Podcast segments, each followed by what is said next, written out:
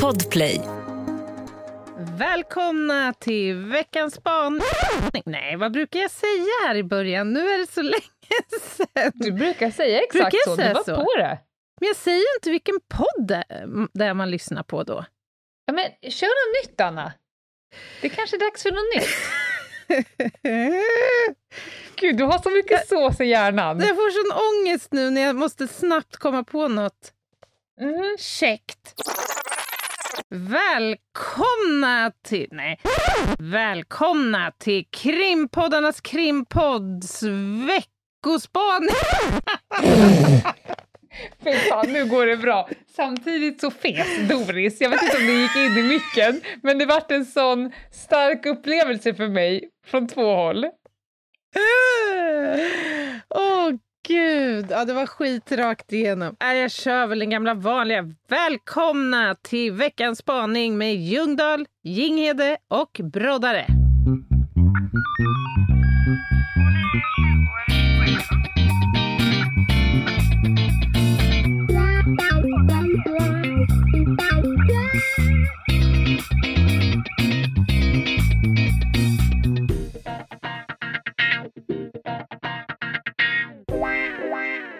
Den. Ja, men eh, välkomna. Det är måndag Mhm. och eh, ordningsfröken kommer in här och hälsar folk välkomna eh, om man är ny till den här podden till exempel. Så härligt när du gör det där tycker jag. Man känner sig säkert väldigt, väldigt välkommen då. Och de som har lyssnat på alla 147 avsnitt bara... Ska hon köra den där samma harangen igen? Men jag, jag känner mig lite som Karl-Bertils far. Mm. Situationen kräver ett välkomnande Mm. till våra nya lyssnare. Vi får ju eh, in härliga meddelanden. Åh, jag hittade er alldeles nyss och sen dess har jag eh, lyssnat dygnet runt och nu eh, börjar jag känna mig skev i huvudet, vilket vi förstår om ni Ja. har lyssnat dygnet runt. Ibland blir man nästan lite orolig för människor. Jag har lyssnat på 142 avsnitt sedan i måndags. Men nu fick jag feeling. Jag vill Mhm. läsa upp ett mejl som kom. Får jag göra det nu? Självklart. Jag kommer dra ihop det lite för det var ganska långt. Mm. Hej, jag vill verkligen tacka er för den här podden. Och så är det då en tjej som det har hänt lite tråkigheter för. Mm. Eh, hon, jag går inte in på det, men jag behövde något att fästa tanken vid så jag gick in på podcast och började leta bland något som skulle stjäla lite av min uppmärksamhet. Efter en minut av scrollande förbi ändlöst med antal kändispoddar som handlade om skit och ingenting hittade jag till er över min döda kropp. En podd som hade ett faktiskt innehåll. Den här får det bli, tänkte jag och började på avsnitt 1. Ni hade då kanske släppt runt 20 avsnitt om jag minns rätt, vilket var tur för mig, för jag hade lite att ta av, så att säga. Ni ska veta att det var inte mycket som lyckades fånga min uppmärksamhet under den här perioden. Jag var otroligt hyper, stressad och full av ångest och kunde inte ens se på TV. Inget funka. Så det krävdes något riktigt, något intressant. Något jag kunde lyssna på med full fokus. Men tänka sig, utifrån min situation, ett avsnitt som handlade om lik, obduktioner, förruttnelse och död, att det skulle vara för tufft för mig att höra på, men nej. Det har gett mig både kunskap och förståelse. Ni är så bra på att avhandla ämnen proffsigt men ändå personligt, Ja, med skratt fint. och allvar, och som ju alltid samspelar i livet. Inte en enda gång har jag känt att det blir för mycket av något. För mig är det bra att höra på personer som pratar om dessa saker just ur ett yrkesinriktat perspektiv. Det har normaliserat mycket kring död, och det har behövts. Vi lever i ett samhälle där döden sitter i en skamvrå. Den känns avlägsen och ingen är redo att möta den, jag själv inkluderad. Över min döda kropp har hjälpt mig att känna, i alla fall en gnutta acceptans. Idag mår jag bättre, bra till och med för det mesta. Och nu lyssnar jag med glädje på alla avsnitt. Jag längtar varje gång. Vill bara berätta vilken skillnad ni gör för mig. Jag har tänkt skriva ett tag och idag fick jag tummen ur, så tack för er. Ah, vad fint. Ja, men visst var det det? Ja, det är så himla, himla fint. De här mejlen kommer ibland och de har ganska ofta olika liksom, ingress. Mm. Men vi är med folk, eh, de gråter av skratt när de mockar skit. Och de eh, skrattar någonstans mellan fiskpinnar och, och frysta ärtor. Mm. Och de, vi är med fan på förlossningar och Ja, jag börjar bli lite så här, nästan lite, jag får lite skammen över det. Nej men varför då? Nej men jag vet inte, det känns lite för, för Nej, men- Eller? Nej, men alltså, jag, tror man måste förstå att poddmediet är speciellt. Man kommer ju nära ja. dem man lyssnar på. Och lyssnar man då varje vecka, ibland kanske två gånger per vecka. Så någonstans så mm. etableras mm. ju någon slags relation, även om den ju... Alltså den är ju liksom inte, vad ska jag säga, två, det är ingen tvåvägskommunikation den bygger på, tyvärr. Nej. Men det är ju otroligt fint Ja, det är nog Ändå. det jag känner. Jag känner Mm. nog att det är väldigt fint. Jag känner mig humbled, vad heter Mm. det? Ja, ödmjuk, inför, ödmjuk. Mm. inför detta. Ja, Tack för underbart. mejlet. Mm. Undrar hur ödmjuk eh, Meta är i eh, dagens spaning. Vad tror du? Ja, ja, det, alla de där frågorna om hur tror du Meta, det går, finns Nej, ju det inget går svar. ju inte. Nej, Det nej. går inte. Vi åker bara. Vi åker, vi gör det bara.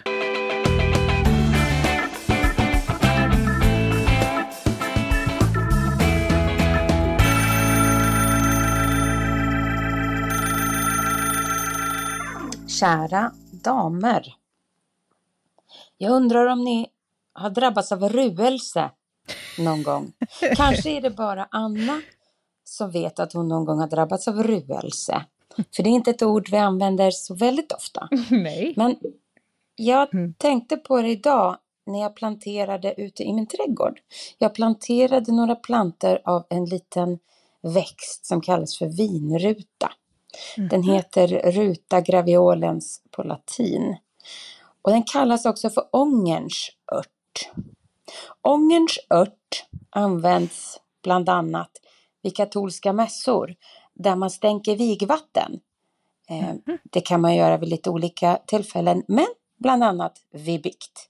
Alltså när man ska berätta om saker som man har gjort eller tänkt som inte alls har fallit den, den straffande guden på läppen, tror man. Och så måste man berätta om denna sak. Och så ska man förhoppningsvis få syndernas förlåtelse. Mm. Kan det bli genom att man blir nersprayad med vigvatten, genom att någon har skvätt detta på en med hjälp av en kvist vinruta, alltså ångerns ört. Och den där ångerns ört kallas på engelska för rue, alltså rue. Mhm. Och det kan den heta på svenska också i olika dialekter. Den kan heta rue. Och därifrån detta ord, ruelse. Alltså djup ånger. Gud. Ni kan ju få googla upp några synonymer. Så kan ni få se om ni tycker att ni någon gång har drabbats av detta. Och i så fall vad? Jag vill att ni funderar kring er, er egen djupa ånger och samvetskval och vad som händer när ni har dem, om ni har dem. Men också i ett större perspektiv. Vad bör mänskligheten ha? Djup ånger och, och eh, ång, inte ångest, men ånger och samvetskval över. Mhm. Eh, as we speak. Oj, vad Ha det gött! Hej! Jaha, oh. Oj, oj, oj. Jaha, nu ska vi ner då alltså. Nu ska vi in, ja, nu blir det ner. nu ska vi in Neråt, och inåt. ner och öppna de innersta och mest fördolda rummen i oss, låter det som. Är du beredd att göra det på nationell radio? Jag känner spontant att vi icke ska skola vandra dit hen.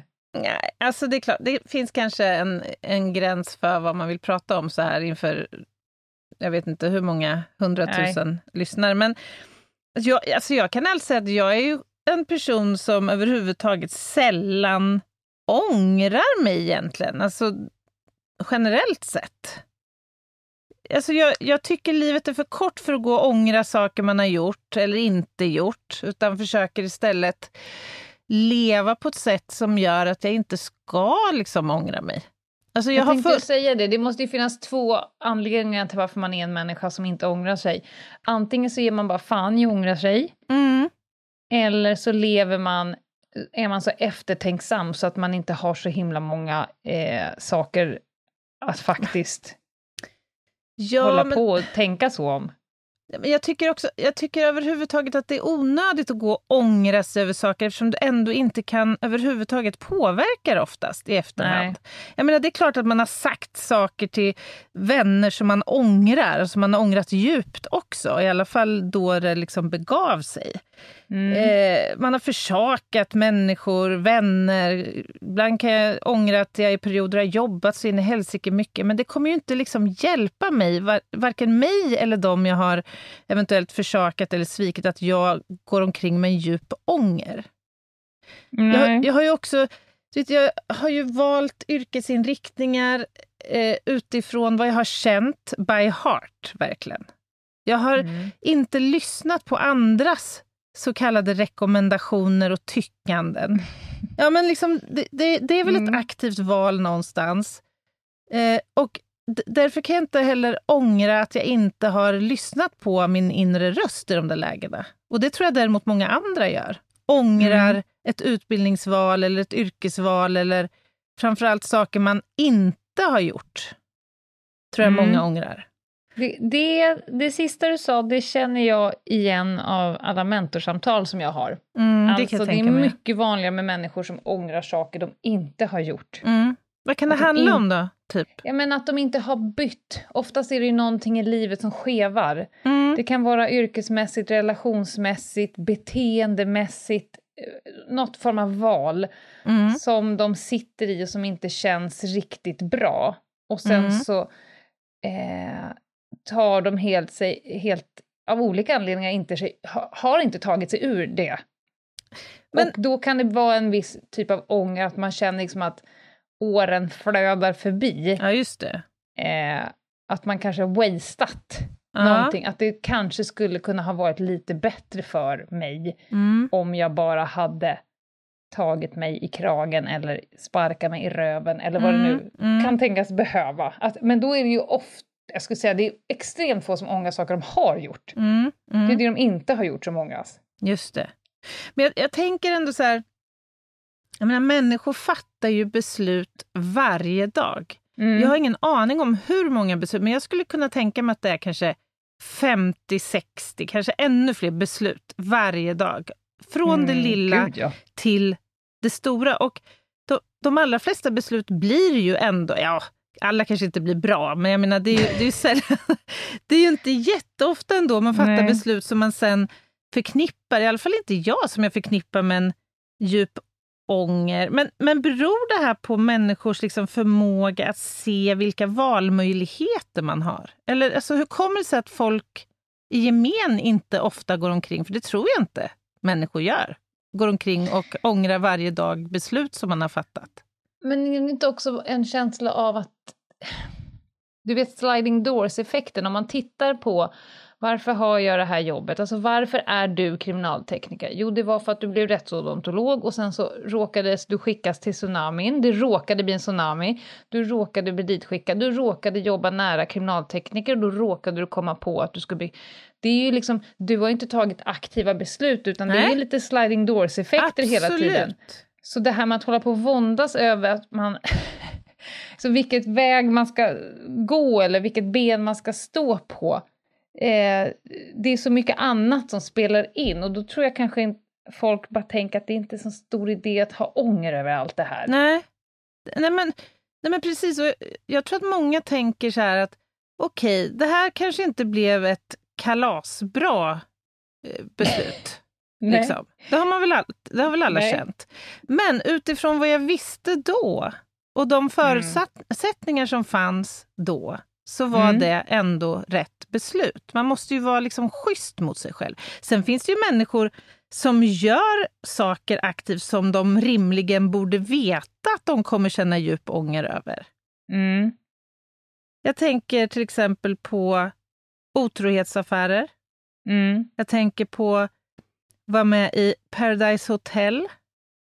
Jag tänker på ta det där Finax-lånet för att köpa den 82 väderstationen till mitt hem. Alltså, mm. det, väl, det, borde väl vara självklart att det här är inte ett superduper beslut. Rimligen kommer jag känna ånger över det här. Eller har man inte den förmågan då i sitt ja, beslutsunderlag? Eh, när jag håller avlastningssamtal med människor som eh, känner ånger, mm. eh, skuld, det är en ganska mm. svår sak att bära, oavsett om det är överlevnadsskuld, mm. Till Sant. exempel personen som just den dagen bestämde sig för att inte hoppa in i flygplanet Mm. i Örebro. Mm. Mm. Eller någonting annat. Eh, man brukar titta på olika typer av etik, alltså om jag värderar mina handlingar ut efter vad konsekvensen blev, Mm. inte min avsikt med handlingen, utan jag värderar min handling utifrån hur det blev. Mm. Alltså med facit, då, det, är jävligt, det är ett felaktigt sätt. För det, det är dumt att klubba ner sig själv Mm. i efterhand när man Mm. vet hur, hur det blev. det är istället klart. för vad var din avsikt med själva handlingen. Och sen finns det ju de som klubbar ner sig själv, man ska tänka lite så här pliktetiskt. Du gjorde rätt, du har följt alla policies, alla styrdokument, alla lagar och regler och du följde din plikt. Sen blev det skitdåligt. Ändå ja. Mm. Så man kan ibland behöva rikta om folks skuld till plikt, avsikt, konsekvens. Mm. Eh, Mm. För att det är lätt att gå fel där och sitta och, och slå ner sig själv för att det blev så dåligt. Ja, men du gjorde bara din plikt, eller din avsikt var god. Mm. Du visste inte hur det skulle bli i Mm. efterhand. Det är dumt att ha det som ett beslutsunderlag. Verkligen. Facit. Ett poddtips från Podplay. I fallen jag aldrig glömmer djupdyker Hasse Aro i arbetet bakom några av Sveriges mest uppseendeväckande brottsutredningar. Går vi in med hemlig telefonavlyssning och, och då upplever vi att vi får en total förändring av hans beteende. Vad är det som händer nu? Vem är det som läcker? Och så säger han att jag är kriminell, jag har varit kriminell i hela mitt liv men att mörda ett barn, där går min gräns. Nya säsongen av Fallen jag aldrig glömmer på Podplay. Men vad, vad tror du att människor då går omkring och ångrar mest i tillvaron? Om man frågar gamla människor till Mm. exempel som vet att tiden liksom börjar bli knapp att kanske utforska saker, stifta nya, etablera nya relationer eller vad det nu kan vara. Vad, vad, vad är det man ångrar mest Jag sent i gissar- livet? Jag gissar att det måste vara relationer och tid.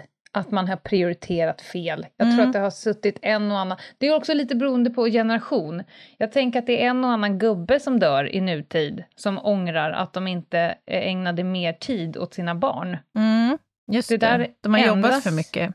Exakt. Mm, mm. Så jag tror att det är tid och relationer, att man har liksom lagt krutet åt fel håll, helt Mm. enkelt. Mm. För att man kanske är ensam då, på slutet. Ja, ja, men precis. Och då, då ställs ju saker på sin spets Mm. också. Men, men jag mycket. tänkte på det hon sa, det här med... Hon, hon sa ju någonting om att eh, det föll inte din, din gud på läppen. Mm, mm. Jag blev så här, det beror ju lite på vem som är, vem är min gud? Alltså vi behöver inte vara religion. Jag upplever ju att den svåraste att få förlåtelse av är jag Mm. själv. Ja, gud ja. Eller gud. ja, ja, jag Ganesha ja. Nej men det, Ja. jag är absolut nålsögat. Om jag kan förlåta någonting som jag har gjort, det är nog det senaste. Då, då kommer mina vänner, eller vem det nu är, ha förlåtit mig långt innan. Mm. Mm. Jag är nog den hårdaste i klungan. Guden. Är Jag är den hårdaste guden. Men jag skulle säga att med åren har jag blivit bättre på att förlåta mig själv. Mm. Och jag har också fått mycket mindre behov av att bli förlåten av andra. Ja, samma här. Det i början så, eller i början, tidigare så var det så oerhört viktigt att alla skulle tycka om en eller att det skulle vara accepterat. Och när man var ny på arbetsplatsen, då var åh, Mm. tänk om han inte gillar mig. Nu är man ju fulla fan i Mm. Ja, om ja, man är alls accepterad och älskad av alla. Ja, men det är väl för att man också vet sitt eget värde någonstans. Mm. Man behöver inte den bekräftelsen från omgivningen som man kanske Nej. behövde i tonåren eller så. Men du, eh, Leif Loket Olsson, tror han går omkring med djup ånger? Ja, men det går under kategorin jag ångrar saker jag inte gjorde. Han ångrar väl att han inte sa ja. Vad skulle han få? Var det 50 öre per såld lott eller månadslön? Nej, för fan, jag tar, må jag tar Månadslön. månadslön. Jag tror han har gått miste om typ 3 miljoner i veckan eller något sånt där. Löjligt mycket. Och jag tänker också på skivbolaget som nobbade Beatles. De, de Mm. måste också känna viss ånger, tänker jag. Var det inte någon också innan Julia Roberts som fick frågan om, eller som fick rollen Pretty Woman som tackade nej? Jag vet faktiskt inte. Måste Kanske också ångra sig. Likväl som hon som Julia Roberts försökte köpa kläder av på Ja, det. Ja. fina gatan och så fick hon gå in och så sa hon “jobbar du på provision?” och så tittar den här surkärringen på henne. Så säger hon. “big mistake, huge mistake” när hon står där med alla kassarna. det. Ja, precis. Också ånger. Mm. kan man tänka sig.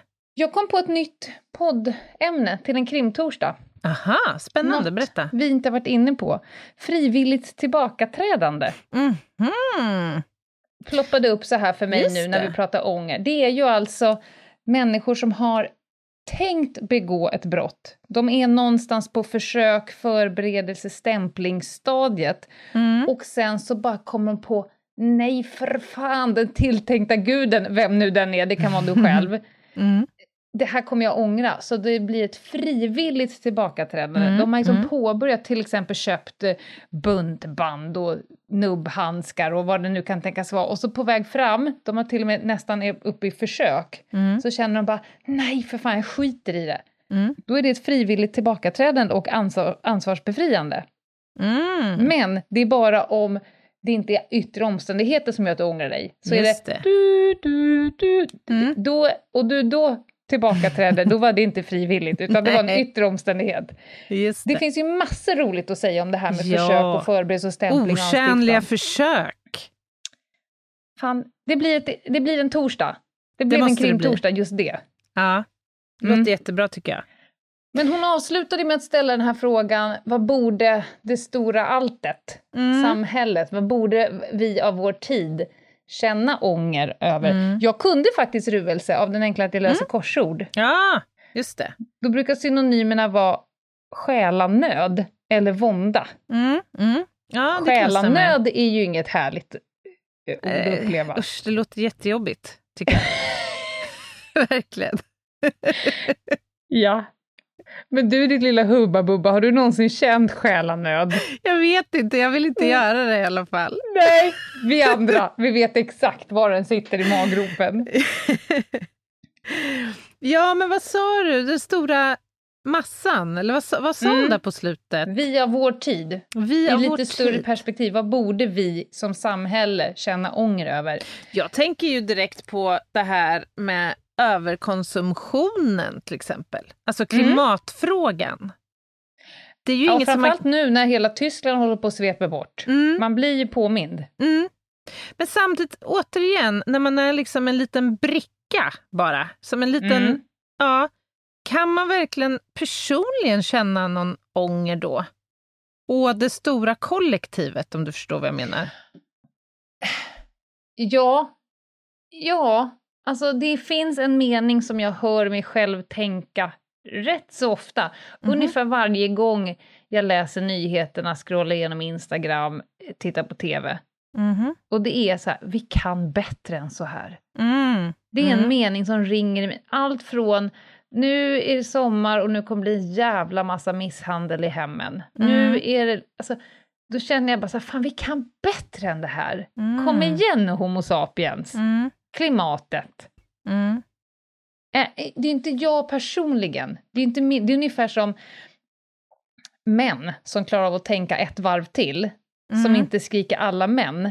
Mm. En god man kan ju säga Mm. så här, fan vi, kom igen nu gubbar, vi kan bättre Mm, än det här. Ja, det Istället för att sitta och känna skuld över mitt, sitt eget kön. Det ger ju Mm. ingen någonting att känna att skuld över, fuck hell, jag föddes som man och därmed ska jag leva i skuld. Men de Nej. måste ju kunna känna att vi borde kunna bättre än så här och då aktivt göra någonting Mm. för att det ska bli bättre. Mm. Eller? Ja, ja, men jag, jag håller med. Och det är väl kanske det bästa sättet att försöka så här, komma runt problemet med ångern. Det är att aktivt försöka förbättra sin situation. Man kan, ju inte liksom göra om eller gå tillbaka i tid och liksom ändra ett beslut som man fattade då. Men man kan ju ta nya vägar, många gånger i alla fall, som kanske inte leder fram till den här ursprungliga liksom destinationen, men du kan ju få något som är nästan lika bra. Eller Mm. på något sätt ändå uppnå det där som du känner att du har förlorat. Mm. Eller gått miste om. Jag vet ju när jag, när jag fattade beslutet att lämna tandläkaryrket så var det ganska många i min omgivning som hade många tankar kring det där. Och ska du verkligen göra det här? Och du tjänar ju så bra. Och ska du bli snut? Vem, vem vill bli snut? Och du kommer ju inte... Ja, du vet, det var, det var så mycket sånt där som kom till mig. Men några år senare när jag träffade de här människorna, mina gamla Mm. arbetskamrater och berättade att jag stortrivdes, då kröp det fram. Då var det ganska många som liksom så här, ja, ska jag vara helt ärlig, jag har också funderat på att göra någonting annat och jag, jag är avundsjuk på dig som har vågat, det var många som sa, som har vågat ta det där steget. Jag är inte ett dugg förvånad. För det Nej. första steget, då gav de ju bara uttryck för sin egen oro Exakt. inför det. Jag kan säga, jag var ju en av de första som lämnade Polismyndigheten när det här sen strömhoppet blev i Mhm. omorganisationen Mm. och gick till den privata sidan. Och efter mig så sa det ju bara plopp, plopp, plopp, plopp, Ah. plopp. Och nu har jag också lämnat den privata sidan och blivit helt egen. Samma sak där. Mm. Men gud, och vad läskigt och du kommer inte få någon lön och bla bla bla bla bla. Och sen kommer frågorna nu, hur funkar det? Hur får Mhm. du... Man bara, Mhm. det, Mm. det, jag vet ju bara att jag hade ångrat mig om jag hade suttit kvar i någonting Mm. som inte kändes hundra för mig. Jag har inte svaren på vad som är bra eller rätt, Nej, eller det är ingen som om det har kommer gå. Nej, det är ingen som i har. förhand. Så är det ju. Exakt. Men alltså, och då, då måste någon slags här budskap här bli att för, för jag tror att gemensamt för dig och mig och många andra som vågar liksom hoppa på Mm. eller hoppa av eller så här, det är ju insikten om faktiskt livets förgänglighet, om vi får bli lite kli- kliva bort från Hubba Bubba-världen en liten, liten stund. Det handlar ju om insikten om att vi har ett liv, vi Mm. lever ett liv. Det finns ingen liksom tid längre bort eller längre fram för att kanske göra det där som man har drömt om. Det handlar ju om att liksom förverkliga sig själv och våga göra det. Medans tid är. Huvudet på spiken, Anna. Och, och jag kan inte säga att jag hade gjort alla mina modiga val om jag inte vid ett tillfälle i mitt liv fått rätt upp i ansiktet livets förgänglighet. Nu kan Mm. jag säga en personlig sak som jag verkligen ångrar, men som Mhm. jag har åtgärdat i efterhand. Mm. Jag hade i många, många, många, många år funderat på att skaffa mig tatuering. Mm. Och, haft, och då tänkt som alla andra ofta tänker. Åh, hur ska det se ut när jag blir gammal? Och tänk om jag ångrar mig? Och så vidare. Så blev det Mm. liksom aldrig av. Nej. Sen så blev jag eh, allvarligt sjuk. Mm. Och för att kunna få rätt behandling, jag skulle få strålning varje dag i sex veckor. Ja. Så sa de så här, men du ska upp där på rum tre, eller fan det var. Där kommer du träffa Sirpa och Sirpa kommer tatuera dig. Mm. Jag bara, va? Jo, vi gör så för att man ska kunna rikta in, eh, det är så viktigt Mm. att man strålar på exakt rätt. Så att du kommer få ta dina kläder så kommer de tatuera dig på vänster höft, mitt fram på magen och på höger höft. Mm. Jag bara, men hur Mm. länge sitter det? Ja, för alltid. Det, blir, det är tatueringar. Mm. Ja. Så jag gick in i det rummet och då har jag suttit och, och liksom våndats över mina... Jag, jag fick Ah. inte ta beslut. kom någon annan in Ah, och beslutade att jag skulle tatuera mig och vad. Och vad Och du att- skulle få. Och de Ursäkta, här men- tre prickarna skulle också sjukt. skrika cancer för Ja. resten av mitt liv.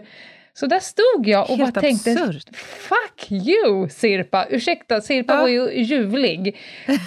Så det första som hände när jag kom ut eh, på andra sidan, helt Ah. enkelt, det var ju att bara springa in till en tatuerare, Ah. hög som ett jävla hus, alltså tatueraren inte jag, eh, och bara jag vill ha en stor jävla Hello Kitty här, rätt på skinkan, på höften. Ah. Ah. Och då började han skissa på ett block. Eh, och så, jag var där med en kompis och både jag och min kompis stod och tittade så här. Det ser mer ut som Björne, i Björnes magasin än Hello Kitty. Alltså proportionerna är lite vajsing.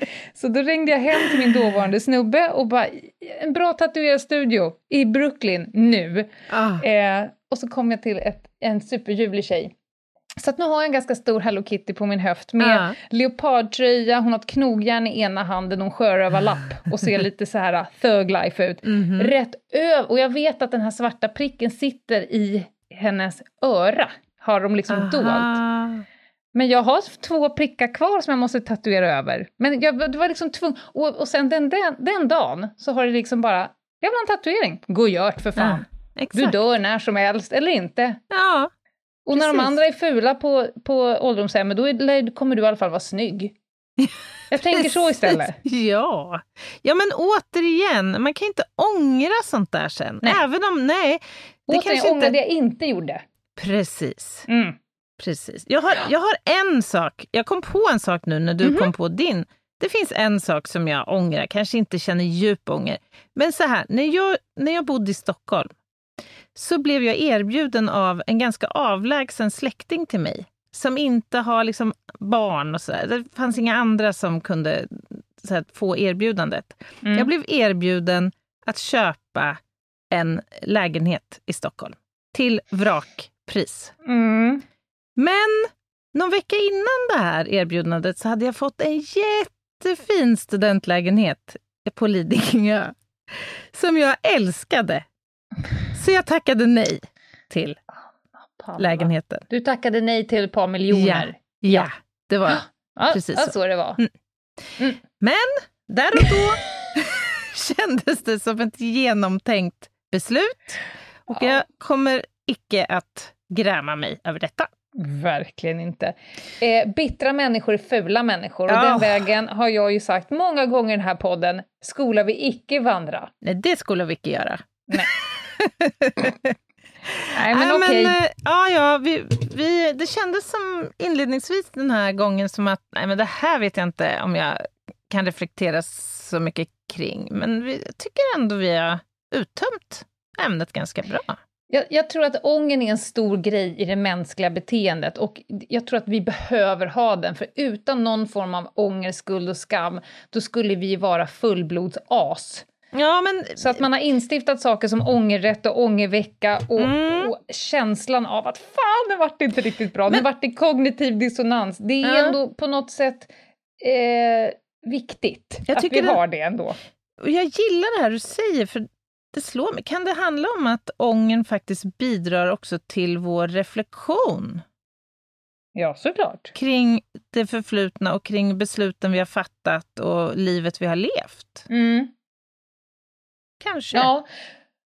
Ja, men det, och det har vi ju pratat om tidigare, skuld versus skam. Där skuld är jag känner ånger för något jag har gjort och nästa gång ska jag göra på ett annat sätt, eller Mm. göra bättre eller be om Just det. förlåtelse. Skam, det är ju mer pissig variant att jag skäms över den jag är. Mm. Det går liksom inte att ändra på på det sättet. Så att Nej. ånger är nog kopplat till skuld i, i, i, så fall, tycker jag. Mm, mm. Att fan, det där vart inte bra, men låt oss... Det är ju fint, man kan alltid göra om.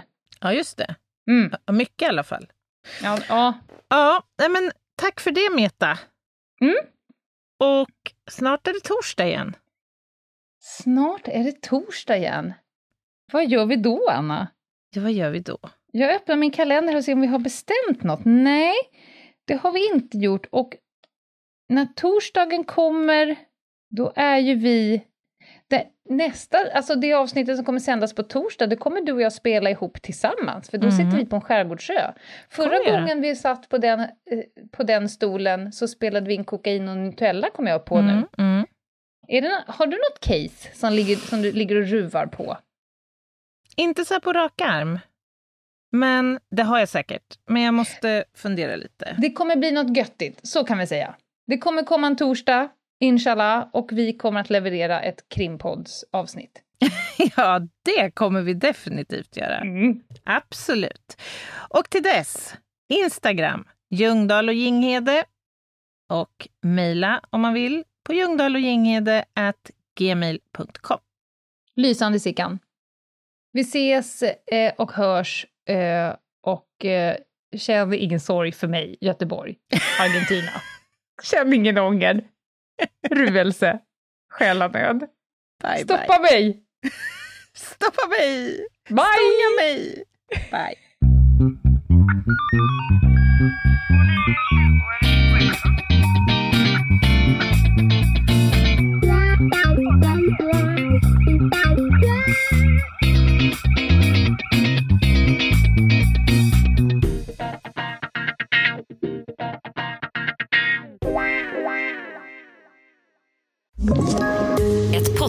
Från Podplay.